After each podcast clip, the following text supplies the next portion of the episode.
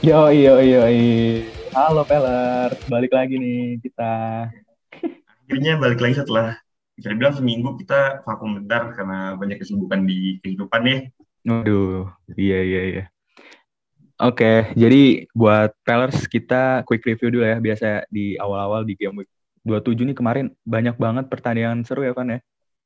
Ya mungkin bagi lo kalau bagi gue sih enggak ya lo tahu MU kan.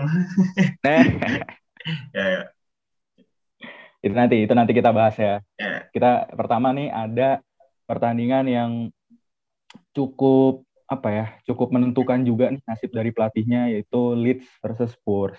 Di mana hasilnya ini 4-0 ya Leeds lagi-lagi dibantai dengan Kulusevski lagi-lagi juga menunjukkan uh, performa tren performa baiknya di musim dingin ini ya berarti atau putaran kedua ini dan ini nggak tahu ya, maksudnya dari sekitar 5 atau 6 match terakhir, Leeds kebobolan kurang lebih rata-rata di atas 3 gol lah. Dan 5 pertandingan ini udah kebobolan sekitar 20 gol. Bahkan mereka ini lagi uh, berada dalam tim yang kebobolan paling banyak yaitu total 60 gol. Gila. Dan itu juga akhirnya yang membuat Bielsa menjadi dipecat gitu. Aduh, sayang banget ya. Iya salah satu manajer yang legend juga di dunia sepak bola. Tapi nggak cuma itu nih di pertandingan Leeds Tottenham ya. Di Leeds Tottenham itu ada rekor yang baru kepecahin nih. Kalau kalian belum tahu rekor yang baru dipecahin tuh kan tadinya yang megang rekor ini Lampard sama Drogba kan sebagai duo yang menghasilkan gol sama asis paling banyak. Tapi sekarang udah dipegang sama Harry Kane sama Son dengan 39 gol. Nah, tapi menurut gue ini uh, angkanya tuh nggak bakal berhenti di situ kalau menurut gue ya karena ini masih sisa kita masih sisa 9 match lagi lah kurang lebih. Atau oh 11 malah bahkan 11 match lagi. Jadi menurut gue Ken sama Son ini bakal jadi pemegang rekor yang bisa lebih bisa aman lah karena di atas Lampard sama Drogba apalagi tumpuannya Tottenham kan di ini kan ya Ken Son sama kalau sekarang si Kulusevski. Ya, ini ya, benar-benar. Ya, ya kita langsung lanjut ke match berikutnya aja ya. Kita turun ke bawah dikit dari Yorkshire ke apa ke London ke daerah Brentford Brentford lawan Newcastle nih. Ya, tim Sultan bilangnya kan. Jadi sebenarnya kalau jujur ya kalau gue kalau secara personal gue udah kejual mimpi sama Ivan Tony sih karena karena kita udah ngelihat kan uh, Brentford mainnya menurun apalagi mungkin Ivan Tony juga kena kasus yang ini kan dia ngomong di SG-nya F Brentford ya. Tapi pada akhirnya ini mungkin salah satu yeah. match yang paling heartwarming ya di pekan ini. Karena akhirnya setelah kejadian insiden di Euro 2020 kemarin Erikson akhirnya bisa turun ke lapangan lagi. Benar. Dan, ya, dan yang terakhir ini karena Newcastle, Newcastle tuh udah mulai kelihatan berbahayanya nggak sih? Iya iya benar-benar. Dan emang uh, terlihat dari sekitar tiga pertandingan ya kalau nggak salah atau lima deh. Uh, mungkin bisa dikoreksi sama Pellers ya. Itu belum terkalahkan nih klub Sultan ya. Akhirnya bangkit ya dari papan degradasi. Terus juga uh, poor performance banget bagi Brentford di mana kalau Pellers tahu nih Brentford belum pernah menang dari 9 pertandingan terakhir di seluruh kompeten, eh, kompetisi, 8 kalah dan satu seri. Itu pun waktu lawan Crystal Palace. Dan terakhir menang itu di FA Cup pas lawan Port Vale, itu sekitar tanggal 8 Januari, awal tahun banget nggak tuh?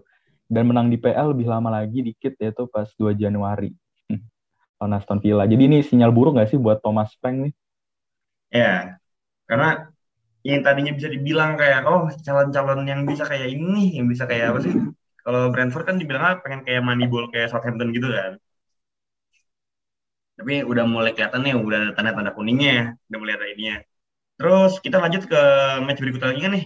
Nah jadi untuk Brighton Aston Villa nih match selanjutnya ya. Nah Brighton Aston Villa ini kan skornya itu 3-0 ya Aston Villa menang. Dan ini sedikit note juga buat Brighton Brighton kalau mereka ini lagi underperform banget di mana tiga match terakhir di PL ini kalah beruntun dan lebih parahnya ini belum mencetak gol. Dan uh, akhirnya juga untuk itu itu dari brand uh, dari Brighton ya. Kalau dari Aston Villa-nya akhirnya uh, Gerrard menang lagi nih setelah tren-tren negatif sebelumnya ya nggak sih? Ya. Dan mungkin udah mulai kelihatan nih kalau Steven Gerrard udah mulai kelihatan arahnya bakal gimana. Karena jujur kalau ini kita uh, kita sampingin bola dulu. Ini pas ini personal opinion gue kayak kalau gue di posisi sebagai fans Liverpool kayaknya gue nggak mau deh kalau Steven Gerrard ngelatih Liverpool. Karena takutnya kejadian-kejadian ini ulang-ulang kayak Kenny Dalglish dulu ngelatih Liverpool jadi jelek banget. Dan kalau misalnya orang se, se, se Steven Gerrard jadi jelek di Liverpool itu loh. Dan untuk saat ini ya kita udah melihat di Aston Villa juga ya bisa dibilang Gerrard doing well lah untuk bisa dibilang kayak karena dia masuk dari pertengahan musim kan dia nggak pernah kena precision gitu gitu. Dan di Rangers juga gitu karena Steven Gerrard juga bahaya banget kan. Akhirnya bisa apa bisa mecahin streaknya Celtic. Iya iya iya.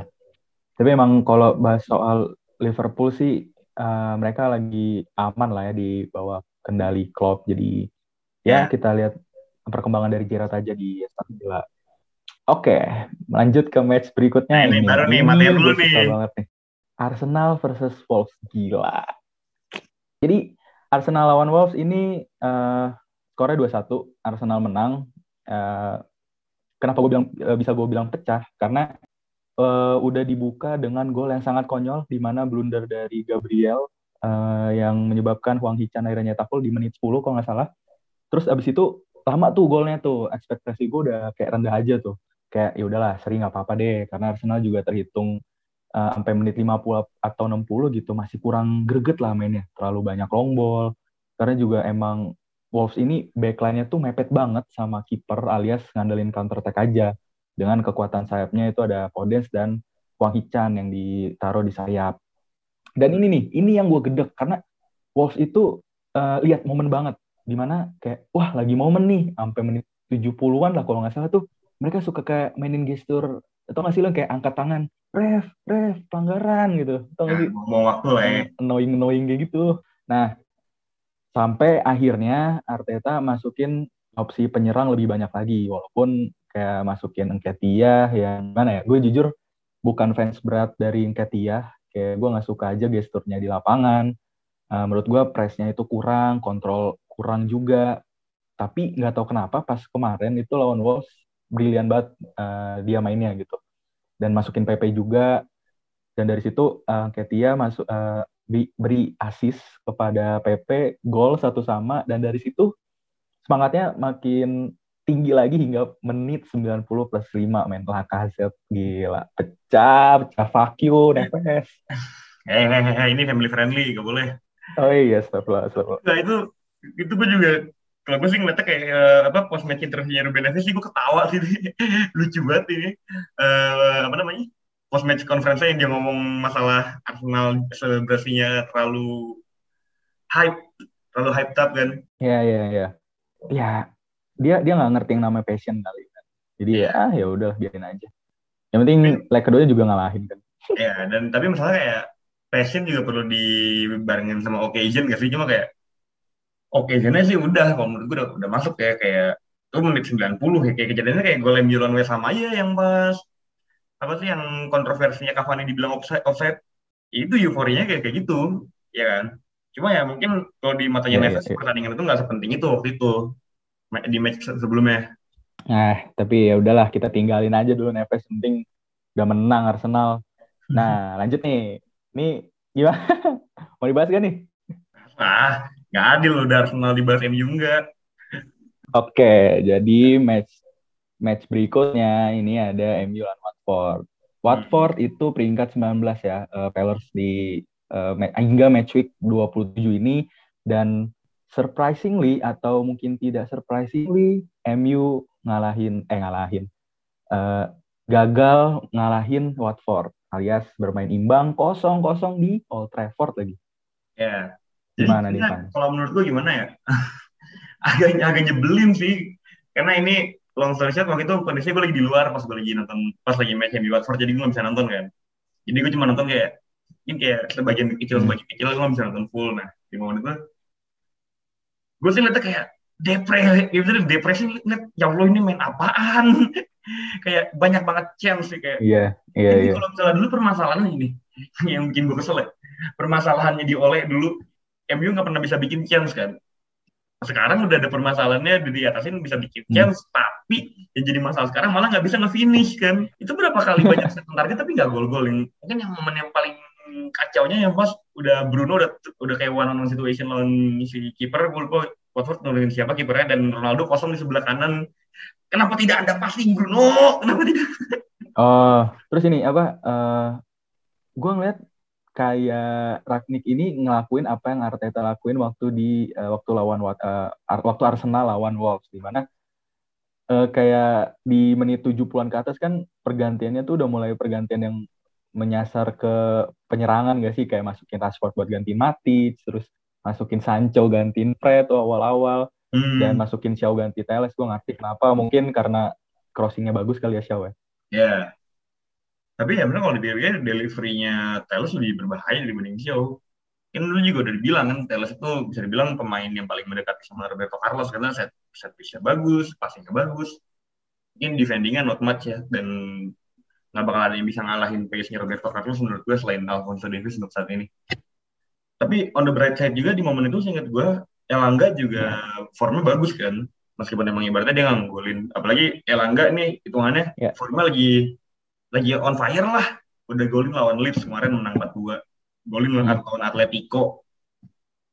Ya kan, first goal dia di UCL. Dan sekarang juga di Watford, pas lawan Watford meskipun emang nggak begitu, apa skornya nggak berpihak ke MU, tapi gue nggak lihat ya sisi baiknya di di mana Elangga tuh akhirnya mungkin Elangga akhirnya bisa ngegantiin posisi Rashford yang bisa dibilang musim ini underperforming banget kan. Iya. Tapi kalau dari segi defense nih, lu puas nggak nih? Kan nggak dimainin tuh Maguire, tumben. puas sih karena Maguire tuh emang bagus tapi overpriced menurut gue kan kelihatan banget Maguire tuh overpriced dan kalau oh. misalnya kalau dan yang jadi masalah okay. gue gue gak masalah Maguire gue gak pernah ada masalah sama Maguire kayak kalau misalnya dia ngelawak kayak pengen nge, apa ngintercept gang gang apa nggak ngelihat yang ngelawan Southampton tuh dan aku kayak gue cuma permasalahan kayak dari sekian banyak pemain yang ada di MU kenapa harus dia yang jadi kapten dan oh, okay. Iya dan kan sekarang, katanya juga mau dilepaskan ganti CR. Ya, tapi gue lebih ngerasa tenang ketika gue nonton Maguire sama eh Lindelof sama Varane daripada Maguire sama Varane karena menurut gue Maguire tuh lebih rapuh sama blunder daripada Lindelof masih karena permasalahan di Lindelof kan cuma satu kan masalah aerial threat ya dan kita ngelihat kemarin lawan Leeds yang Lindelof bawa bola ke depan untuk seorang defender itu udah bagus apalagi bukan posisi fullback atau wingback kan? Itu dari center back. Bulu progresinya juga bagus kan? Dan ini gue motif pada Gary Neville Maguire sama Lindelof itu tipenya sama. Tipikal ball playing defender atau kayak kalau Lindelof lebih kayak main sweep gitu atau stop gitu kan? Sampai Gary Neville tuh pernah ngomong kalau hmm. kelemahannya Maguire tuh Lindelof kelemahannya Lindelof tuh Maguire. Jadi kalau menurut gue perlu nyari orang yang bisa nutupin kekurangannya dan Varane udah bisa nutupin. Tapi kalau lu tanya gue mungkin ini agak bias juga sih karena gue suka banget sama Lindelof kan. Dari zaman Lindelof pertama kali masuk ke MU juga. Jadi gue ngerasa lebih tenang sih kalau misalnya ngeliat Lindelof sama Farad oke. Iya sih emang uh, dari segi defense kemarin MU juga lumayan. Tapi itu juga nggak apa ya nggak nggak lepas dari cara penyerangannya Watford yang kalau gue bisa bilang mereka tuh asal-asalan sih. Kayak misalkan menit 75 gitu motivasinya kayak lawan MU ya udahlah yang penting seri gitu nggak apa-apa yang penting dapat poin. Padahal peluang-peluang mereka juga kalau bisa dimanfaatin betul itu bisa gol. Jadi kayak supply supply-nya eh, supply supply bolanya ke Dennis kan ya waktu itu strikernya karena King udah diganti itu jadi nggak maksimal. Padahal kalau ngomongin soal Dennis ya menurut uh, menurut gue nih mereka dia itu udah cukup ngebantu Watford lah dengan dia kan salah satu top 10 top scorer sekarang ya sekitar 9 golnya dan gimana ya kalau ngelihat performa sekarang ini menurut tuh potensi dia bisa konsisten ke depannya gimana nih? Apalagi belum tahu Watford itu bakal stay atau enggak di Premier League. Nah itu sih yang menurut gue yang bakal jadi tricky karena kondisi Watford juga lagi nggak aman kan. Dan kulturnya Watford yang selalu ngubah-ngubah manajer gitu pasti ngeberatin semua pemain. Apalagi Dennis sebagai sebagai ujung tombak dan kalau menurut gua Dennis tuh bukan tipikal striker yang bisa dipakai sama Roy kan Roy Hodgson. Karena Roy Hodgson juga sebenarnya kalau kurang lebih sama aja kayak Shandais apa ya kayak Shandais kayak tipikal Brexit footballer eh Brexit manager. Apalagi Roy Hodgson udah dari tahun 90-an kan ngelatih. Dan sekarang lagi ke downfall dan ya. tapi menurut gua kalau misalnya dia turun pun ya kalau Hazard turun pun menurut gue Dennis bakal lebih berbahaya di ini. Karena ibaratnya itu fase di mana dia bisa mematangin skillnya uh, kemampuannya di championship dengan kompetisi apa kompetitif antar timnya nggak sekeras di PL. Jadi kemungkinan dia nggak nggak nggak bisa atau gimana ya dia chance untuk menjadi one season wonder kayaknya kecil lah ya Iya, yeah, menurut gue sih ya. Atau mungkin kalau misalnya bukan one season wonder ya, lebih kayak uh, situasinya kayak Adel Tarap di pas masih di QPR sih kalau menurut gue. Hmm, I see. Ya ya. Jadi kan gini ya, karena kalau kita bahas soal one season wonder, ini kan gini ya Pellers ya, itu kan istilah buat pemain yang di musim pertama join klub nih, uh, kita bahas misalkan konteksnya klub PL gitu ya, itu misalkan bagus banget, gacor lah, tapi keduanya atau musim-musim setelahnya itu melempem, menurun gitu. Nah, hmm. tapi emang one season wonder ini bisa gue bilang momok menakutkan bagi pemain yang punya season bagus di tahun pertama dia join suatu klub gitu. Uh, katakan klub PL tadi ya. Jadi di musim berikutnya orang-orang atau fans-fans ini punya ekspektasi yang tinggi buat pemain ini supaya bisa melebihi performanya di tahun pertama atau kalau nggak sama lah performanya gitu. Hmm. Ya, yeah. nah itu tapi yang mungkin lebih nakutin lagi ke tim-tim yang dari luar Big Six deh kayak udah udah jadi kultur juga kan kayak ada pemain dari luar Big Six nih dari luar PL dibeli sama tim-tim mungkin kayak Newcastle atau kayak Southampton dibeli formnya bagus langsung dibeli ke Big Six nih karena buru-buru kan. Tiba-tiba formnya jadi jelek jadi itu. Dan mungkin kayaknya kalau dari gue gue kayaknya bisa nunjuk jaring nih beberapa beberapa doang pemain yang gak kayak gitu. Kalau menurut gue yang udah pasti yang pertama Enggolo Kante kan. Mm-hmm. kita udah ngeliat Kante jadi bagian integral dari Chelsea sekarang. Iya. Iya tapi juga uh, kalau soal ngomongin one season wonder ini kita bisa ngelihat beberapa contohnya lah di musim-musim sebelumnya nggak sih? Kita tahu kayak Rocky Santa Cruz kalau Sau nih dia waktu itu di musim 2007-8 atau eh 2007-2008 join Blackburn Rovers yang sekarang ada di Championship ya. Itu kan dia hype banget di musim pertamanya sama Blackburn. Bagus gitu performanya tapi karena cedera ya jadi menurun lah performanya gitu. Terus juga ada contoh kayak Dimitri Payet waktu di West Ham Papis Cisse waktu di Newcastle Asamoah uh, mantan kip, uh, mantan eh mantan kapten timnas Ghana ya waktu yeah. dia join Sunderland dan yang pastinya yang paling famous yang kita dan Peller sama-sama tahu lah ini ibaratnya icon one season wonder menurut gua nggak cuma di PL aja ibaratnya definisi one season wonder yang hakiki itu do ini yaitu Micu waktu di Swansea. Eh, banyak juga yang bisa dibilang uh, one season wonder. Kalau misalnya gue Binghars, Lukaku bisa dibilang one season wonder juga di MU. Di musim 17-18 Lukaku ngeribet di 18-19 hmm. melempem kan. Bahkan kalau lu pada tahu eh, gol terakhir Lukaku di MU itu pas lawan PSG. Yang PSG eh MU menang 3-1. Dan semenjak saat itu Lukaku menang golin lagi. Tuh lama juga. Iya, dan itu bulan Maret kan logikanya musim kelar sampai akhir berakhir sampai bulan Mei lah ya lu kok nggak pernah golin semenjak saat itu nah, lanjut kemudian tadi lu kan udah nyinggung-nyinggung masalah ini ya masalah beberapa nama dan ini kalau ini gue lebih masukin dia ke bukan ke One Season Wonders ya kalau menurut gue dia lebih kayak ke yang kutipan streets will never forget itu kalau kalian familiar sama kata-kata itu kayak oke okay. kayak kayak Hatem Ben Arfa tuh kalau kalian nonton kan yang di Newcastle oh, iya. kayak apa Hatem Benarfa, Adel Tarap terus Diego Forlan hitungannya juga hmm. bisa maksudnya yeah, ini iya. kayaknya gue bakal ngebahas masalah Payet dulu kali ya kayak kita tahu nih si Payet dibeli dari apa dari Marseille lah kan apalagi Payet tuh tipikal hmm. playmaker dari sayap nih yang berbahaya banget kan kayak Payet tuh nggak bisa dikasih main nyaman karena kalau lu kasih main nyaman ya berarti lu kelar bahaya banget Payet tuh karena kita tahu Nah, dibeli dari Marcel ini harganya tuh 15 juta euro kan, ingat di musim awal musim 15-16. Dan market value-nya Payet tuh di, di akhir musim langsung naik dua kali lipat, jadi 30 juta.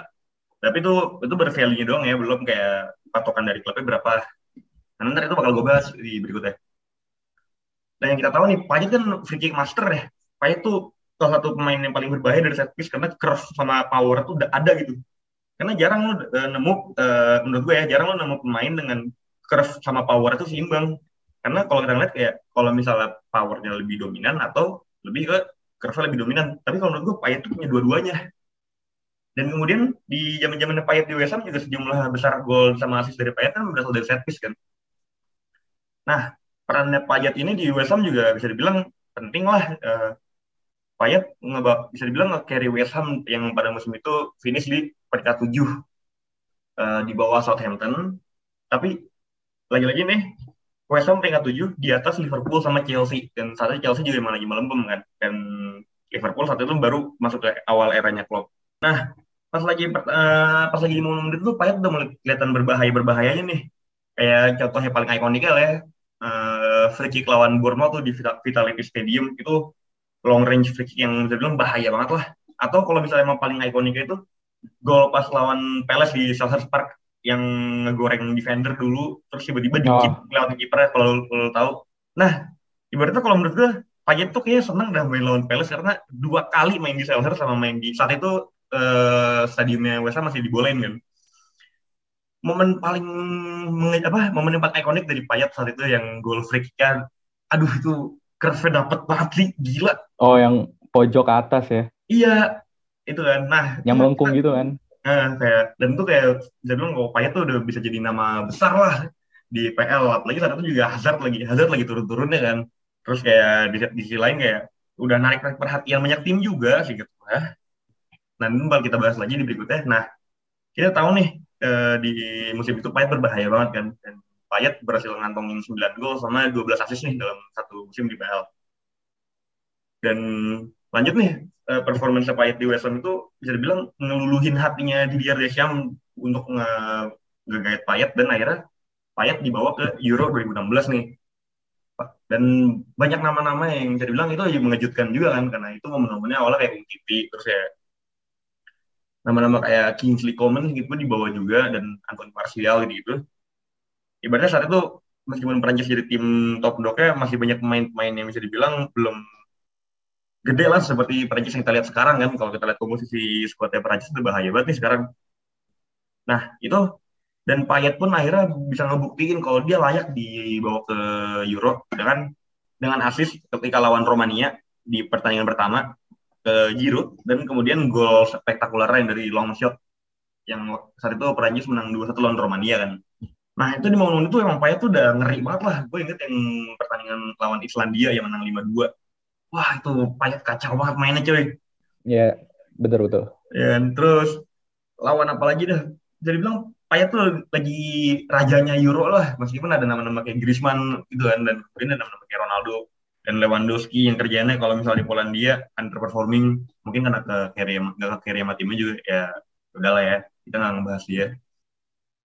Nah, di momen Euro 2016 ini tuh si Payet tuh jadi kayak hot hot names lah kayak Payet tuh lagi pemain yang lagi panas-panasnya kayak berarti Payet belum terkenal sebelum dia pindah ke West Ham dan baru terkenal ketika dia ya itu ngebawa West Ham ke peringkat tujuh dan saat itu emang komposisi skuadnya West Ham belum ngeri sekarang kalau kita bandingin kayak nama-nama kayak Declan Rice, Thomas Suchek, Said Bin Rahma, Jared Bowen, terus kayak strikernya Mikael Antonio. Yang saat itu singkat gue Mikael Antonio masih main di wingback right back ya?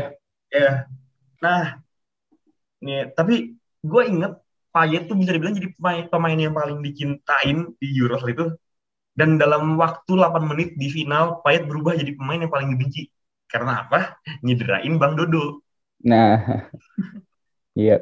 Kan itu berarti momen paling dekat bagi CR buat menangin piala internasional kan karena CR belum pernah menang gak, belum mengangkat piala dan CR baru masuk ke final, ingat gue terakhir itu tahun 2004 di kompetisi internasional yang kalah lawan di Yunani. Iya. Yeah. Ya lanjut ke musim berikutnya. Nah bisa dibilang lo di musim ini titik downfall nih.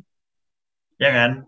Maksudnya kalau dibilang-bilang di musim 16-17 yeah. juga, Payet belum downfall lah. Payet masih ini, Payet masih bagus. Cuma ada sebuah kejadian lah. Jadi di momen itu emang banyak nih tim-tim yang udah mau ngegait Payet. Dan yang gue inget tuh bahkan MU rela uh, nuker Martial demi Payet. Dan saat itu Martial namanya lagi panas-panas ya kan.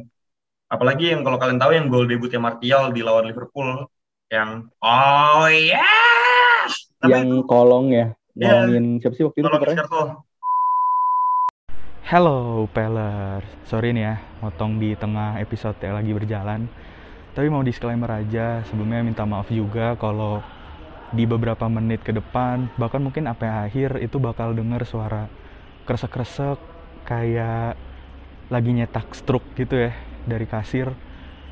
Eh, nggak uh, tahu ya mungkin karena alasan teknis jadi ya mau disclaimer aja dulu. Tapi semoga uh, tetap didengerin sampai akhir karena pembahasannya oke okay banget sih oke okay, lanjut Nah terus lanjut ke momen itu ini ya apa? Chelsea juga mau ngebeli Payet dan satu Hazard juga lagi jelek formnya kan jadi kayak itu wajar lah. Lanjut bahkan tim kayak Madrid aja juga mau beli Payet saat itu loh. Itu udah nunjukin kan kayak ibaratnya lu kalau dari udah ditaksir sama Madrid udah nunjukin lu kali bermain itu pemainnya paling bisa dibilang berbahaya lah atau lagi hot-hotnya. Dan ya. West Ham pun juga musim musim itu akhirnya mas, um, matok harga seingat gua 60 juta euro. Tapi akhirnya nggak ada yang nge-backout dan akhirnya banyak yang berharap Payet bertahan kan? Sampai akhirnya Payet tuh dikasih perpanjangan kontrak yang gede banget lah dan gaji itu emang uh, brutal banget untuk kenaikan gajinya saat itu. Karena orang udah berharap kalau Payet tuh bakal jadi cultural hero di West Ham sama kayak kita nyebut nama-nama kayak Mark Noble atau Paolo Di Canio kalau kalian tahu. Nah tapi seiring berjalannya waktu akhirnya ketahuan kalau sebenarnya si Payet itu ingin balik ke Perancis lagi dan kondisinya itu dia udah perpanjang kontrak kan. Nah, akhirnya ketahuan nih kalau si Payet sebenarnya ternyata emang pengen pindah dari West Ham. Tapi bilangnya dia pengen pindah ke Perancis aja. Dan waktu itu gue inget itu banyak fans West Ham yang sampai kayak anjing-anjingin Payet. Aduh sorry, super vanity. Kayak sampai ngomong-ngomong apa sih F off Payet, Payet kayak apa kayak kita udah nggak butuh lagi hal-hal kayak gitulah. Dan sebenarnya di momen itu kalau kita ngomongin One Season Wonder ya, Payet sebenarnya emang bukannya ini sih bukan jelek, tapi performansnya West Ham itu udah emang lagi turun aja waktu itu. Karena saat itu kalau kita pikir-pikir West Ham baru pindah kan dari Boleyn ke London Stadium ke stadion yang sekarang. Tapi Payet juga bisa jadi, masih jadi bagian integral dari tim West Ham saat itu. Bareng sama si Manuel Lanzini. Nah lanjut, pada awal musim 2000 eh pada awal tahun 2017 itu bisa dibilang udah gak ada yang mau payet lagi nih. Karena ya payet performanya menurun kan. Dan di, saat itu payet tuh bahasanya istilahnya udah kayak twerking buat pindah dari West Ham. Karena payet udah ngerasa nggak udah nggak suka di West Ham. Nah padahal saat itu juga payet masih jago loh sebenarnya di saat itu kalau misalnya lu ingat yang Asis Rabonanya lawan Watford kalau lo tahu. Oh, ya kan. Betul. Terus ikonik tuh. Uh, momen paling ikon dan ini menurut gue momen paling ikonik terakhir Payet itu yang solo gol lawan Middlesbrough. Yang semua defender tuh dibikin uh, iya. semuanya kayak ah ya dari pinggir dari pinggir lapang Wan dari pinggir lapang yeah. di dribble gitu sampai depan gawang bener-bener Nah, makanya kan kayak itu udah Payet emang kali berbahaya pun masih ada tapi mungkin emang jadi masalah Payet saat itu masalah attitude kan kan ya. Payet tiba-tiba terang ngomong dia pindah dari West Ham. Dengan kondisi ya, iya. dia udah perpanjang kontrak. Itu yang bikin yang jadi masalah kan saat itu. Nah akhirnya tapi bentar ya gue potong potong bentar ya sorry. Tapi lu tahu gak sih uh, alasan kenapa dia tuh pengen banget gitu pindah? Nah yang itu momen itu kayak si inget gue dia kayak bisa bilang karena homesick juga gak sih? Dan kalau yang gue inget juga ini gue lupa ya gue uh, gue sempat baca kayak dia masih mau ngejar masuk ke timnas ya, ke Piala Dunia 2018 dan kayaknya kalau di WSM dia nggak bakal keangkat gitu loh apalagi WSM yeah. juga lagi jelek kan nah justru me, kalau menurut gue tuh kebalikannya karena kalau yang gue lihat-lihat tuh uh, artikel-artikel atau berita-berita yang uh, ngeberitain kenapa atau alasan apa Payet ini pindah dari West Ham ya memang dari egonya dia juga karena tadi yang lu bilang kan attitude ya. Karena Payet ini ngerasa dia tuh udah punya visi yang berbeda sama West Ham ini. Karena itu yeah. dia kayak ngerasa jenuh bermain di waktu itu masih di arahan Slaven Bilic ya kalau nggak salah. Yeah. dan ini dikutip dari Le Equip atau Le Equip itu surat kabar harian bidang olahraga di Prancis lah ya. Jadi Payet ini bilang kalau gini uh, kurang lebih kata-katanya gini saya lagi mau main bersama tim papan bawah Liga Premier Premier Inggris. Cara kami bermain, saya tidak suka sistem bertahan yang diterapkan. Jadi emang pada waktu Slaven Bilic ini kan kalau nggak salah mainnya itu 451 ya. Jadi yeah. Ya. uh, si Payet ini di sayap deh kalau nggak salah ya. Eh, Iya, yeah, karena tengahnya lagi. Hmm, ya, dia dia main di sayap dan dia itu katanya sangat sulit untuk mengekspresikan dirinya gitu. Karena kan dia aslinya CHM kan. Hmm. sampai gimana ya? Lu bayangin mungkin sampai gak gak betahnya West Ham dibilang tim papan bawah karena mungkin dia nge ngerasa dia yang nge-carry West Ham kali ya. Iya, ya sebenarnya kurang lebih begitu. Cuma ya kalau lu punya pemain tengil ya wajar lah kalau misalnya harus lu buang. Makanya Slaven, apa Slaven Bilic juga ngebuang, ngebuang Payet tuh karena emang itu kayak uh, attitude Payet itu udah kayak apa attitude Payet dan desire dia buat pindah dari Premier League tuh ya dari West Ham tuh udah kayak ngasih efek yang besar ke tim West Ham yang saat emang masih tumpuannya tumpuannya dari Payet ya kan? Nah akhirnya kita tahu nih Payet pindah ke Marcel kan. Balik lagi ke Marcel dan ya bisa dibilang dia doing well lah di sana. Tapi itu adalah momen terakhir di mana kita ngedengar nama Payet di bagian-bagian hot prospect gitu meskipun di final yeah. eh, iya. di Europa League 2018 Payet berhasil ngebawa Marcel ke final kan meskipun kalah lawan Atletico saat itu dan itu gue nonton match itu uh, ya terus bisa dibilang karirnya Payet udah mulai meredup saat itu karena ujung-ujungnya juga dia nggak dipanggil ke timnas Prancis kan iya benar memang kalau apa ya bahas Payet tuh ya kurang lebih karena lebih ke attitude-nya dan pilihan dia sendiri yang untuk pindah dari West Ham padahal karirnya lagi cemerlang-cemerlangnya di West Ham gitu. Nah, ini kan gini ya, kan tadi kita udah bahas di awal bahwa uh, pengen bahas tentang atau nyinggung-nyinggung lah tadi di awal tentang One Season Wonder. Nah, rasanya kalau bahas soal One Season Wonder itu nggak bakal apa ya nggak nggak bisa lah kalau nggak bahas yang namanya Michu, ya kan? Itu udah paket wajib gak sih kalau udah ngomongin One Season Wonder lah. Iya. Nah, jadi gini, gue coba sampein kronologisnya dulu kenapa Micu bisa dibilang one season wonder nih. Ya lah kronologi nggak tuh. Hmm. Jadi gini, uh, Micu ini nama aslinya Miguel Perez Cuesta.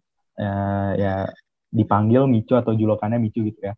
Ditransfer ke Swansea dari Rayo Vallecano, klub Liga Spanyol. Eh sekarang klub Liga Spanyol ya, bukan kasta kedua ya? Ya masih di atas masih di atas. Itu bukan bukan bidang kita juga sih jadi ya udahlah. Iya iya. Oke, eh, ditransfer dari Rayo Vallecano dengan harga cuma 2 juta aja di tahun 2012 gitu. Nah, Swansea waktu itu masih di PL ya, kan kalau sekarang uh, di Championship gitu ya. Nah, dengan harga semurah itu, ini baru di musim pertamanya ya, Michu itu udah berhasil cetak 22 gol di seluruh kompetisi dengan 18 gol dan 3 assist di, di Premier League. Cuma kalah dari top scorernya waktu itu uh, Van Persie. Yang sama Suarez ya. Terus kalah sama Suarez, ya Suarez, Bell sama Benteke. Jadi ya kurang lebih tadi karena eh, kenapa kita singgung Dennis di awal karena emang posisinya kayak gini waktu itu RVP, Suarez, Bell, Benteke itu lagi hype-hype-nya di Premier League. Dan ini muncul nih, siapa nih Micu nih di top 5 malah uh, top score Premier League gitu. Nah, gara-gara itu juga uh, Micu ini nganterin Swansea City juara Piala Inggris atau sekarang dibilangnya Carabao Cup lah ya. Yeah. Jadi waktu itu ngalahin Bradford City uh, sekarang itu Bradford main di League One atau League Two ya, uh, lupa lah.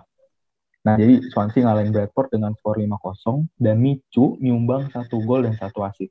Ingat ya, itu musim pertama. Terus juga kalau nggak salah, Swansea ini finish di peringkat 9 Premier League uh, uh, musim 2012-2013 itu ya.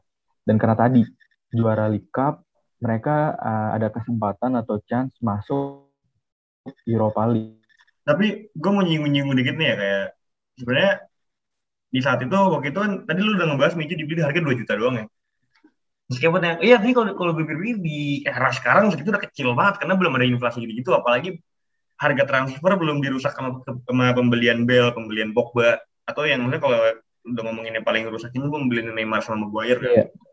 Tapi menurut gue itu pembelian yang paling yeah.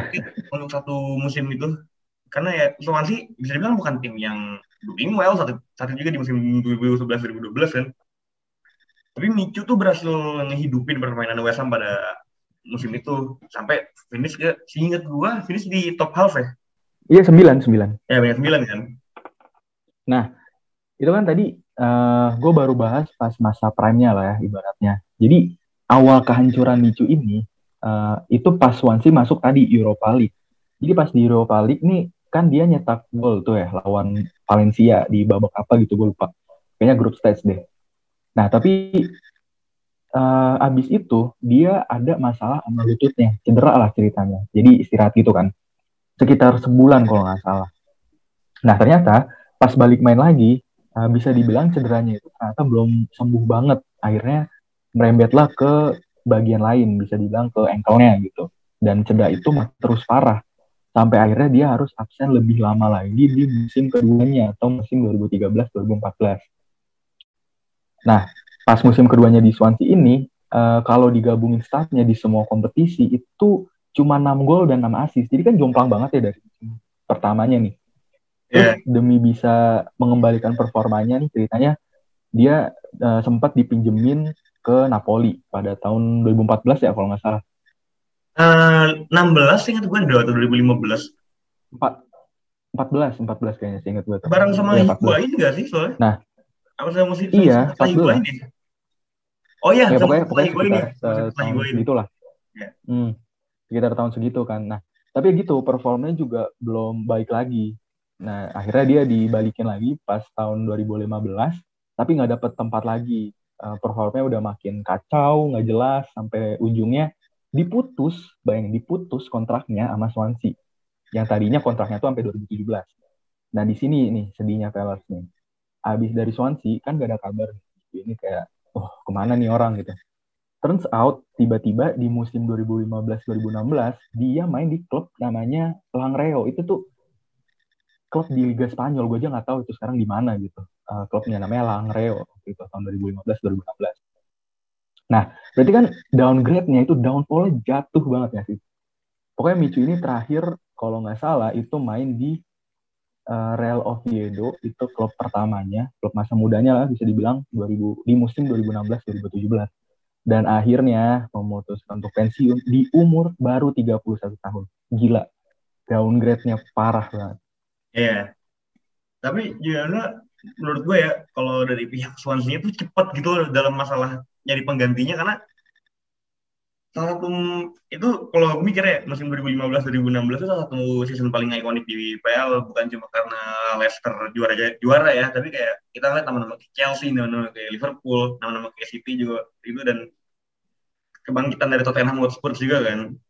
Dan itu kita tahu Swansea ngegantiin Micunya tuh dengan striker yang kita tahu Bativin Bigomis salah satu striker yang berbahaya juga kan bisa dibilang Bativin Bigomis tuh. Jadi ya uh, smart move dari ini juga. Cuma ya kalau dipikir agak sayang gitu loh. Kita ngelihat ada satu pemain yang bisa dibilang bakal jadi pemain paling ikonik di PL mungkin bisa dibilang kayak nama-nama kayak Matt Letizier atau James Ward-Prowse lah kalau sekarang lah. Jangan-jangan ke Matt, Matt Letizier dulu. Ibaratnya kayak pemain yang nge-carry tim mediocre. Dan Michi pun nge-carry kan hitungannya saat itu. Atau kita kalau misalnya mau yang baruan dikit kayak Jack Grealish yang waktu itu nge-carry. Aston Villa kalau bisa dibilang nge-carry Michi itu nge-carry banget kan tadi udah gue bilang di awal ya Swansea itu sampai uh, juara uh, Carabao Cup lah nyebutnya dan masuk Europa League gitu gara-gara performa bagusnya Michu gitu dan kalau lu bilang tadi penggantinya uh, Buffetti Gomis sebenarnya sebelumnya itu ada Wilfried Boni. Jadi di musim kedua oh, iya. kan dia di pairing sama Wilfried Boni ya. Ketinggalan ketinggalan ya, nama itu gue. Nah, Come Wilfried Boni. iya, iya itu ikonnya. Uh, score some goal for Swansea gitu ya lagunya. We go wild, wild, wild. Iya, iya. Jadi gitu, jadi uh, untungnya, ini menurut gue untungnya Swansea gitu ya. Uh, mereka udah nyiapin backup dari Michu ini di musim keduanya karena waktu itu ada Boni jadi ketika Micu ini cedera nggak terlalu signifikan sebenarnya efeknya karena ditutup oleh gacornya Boni juga waktu itu jadi ya beruntung lah untuk Swansea cuma ya gitu kurang lebih masalahnya Micu tuh itu yang membuat dia sampai seturun itu performanya ya karena cedera sayang sebenarnya padahal bisa dibilang waktu itu dia kalah eh, salah satu cultural hero juga kan di PL dan gue yakin idola hampir semua fans Swansea sih sampai sekarang gitu. Iya. Dan bahkan nama kayak Erling Haaland pun ngeidolain ini loh, ngidolain Michu. Oh iya? Iya. Gue pernah sebenarnya Haaland tuh pernah ngasih interview itu. Kayak Haaland tuh bilang kayak dia looking up ke Michu pas dia masih di, di musim itu doang sih ya. Kita tahu kan Michu emang udah berbahaya banget saat itu. Dan mungkin bisa dibilang kayak performance-nya kayak performance-nya Vardy wow. lah. iya pokoknya uh, aduh banget ya Michu itu waktu itu kalau ada nih misalkan Pellers yang Eh, nggak uh, kebayang gitu ya gimana sih performanya Micu waktu tahun 2012 2013 kalian coba cari deh di YouTube atau baca-baca artikelnya tuh emang emang segitu deh segitu parahnya dia menurun gitu. Dan yang sebenarnya gini loh yang bikin gue sangat sedih adalah dia tuh pensiun terlalu muda gitu 31 tahun. Yeah. Buffon aja umurnya 41 atau 42 itu masih perpanjang kontrak sama Parma kemarin. Kayak ya Allah. Iya. dari ke, kemungkinan kalau misalnya emang gak ada gak ada masalah apa apa ya Buffon bakal main sampai dia umur 46 tahun coy gila tuh definitely age like a fine wine dan banyak juga kejadian pemain-pemain iya, kan. rusak karena cedera. Kita belum ini ya, kita belum ngomongin nama-nama kayak Federico Maceda. Salah satu striker yang nah. panas-panas waktu itu di musim 2009 kan. Terus kita bisa ngeliat kayak Van Persie yang yang dia ngomong downfallnya Van Persie itu karena dia punya cedera di punggung. Dan yang terakhir yang bikin gue takut juga nih oh, iya. Yang bikin gue takut sebagai fans MU Rashford musim 2020 kena cedera punggung. Dan Van Persie ngomong cedera itu sama kayak gue mak. Dan ketika cedera itu gue nggak bisa nge-recover lagi. Itu yang gue takutin dari Rashford sekarang.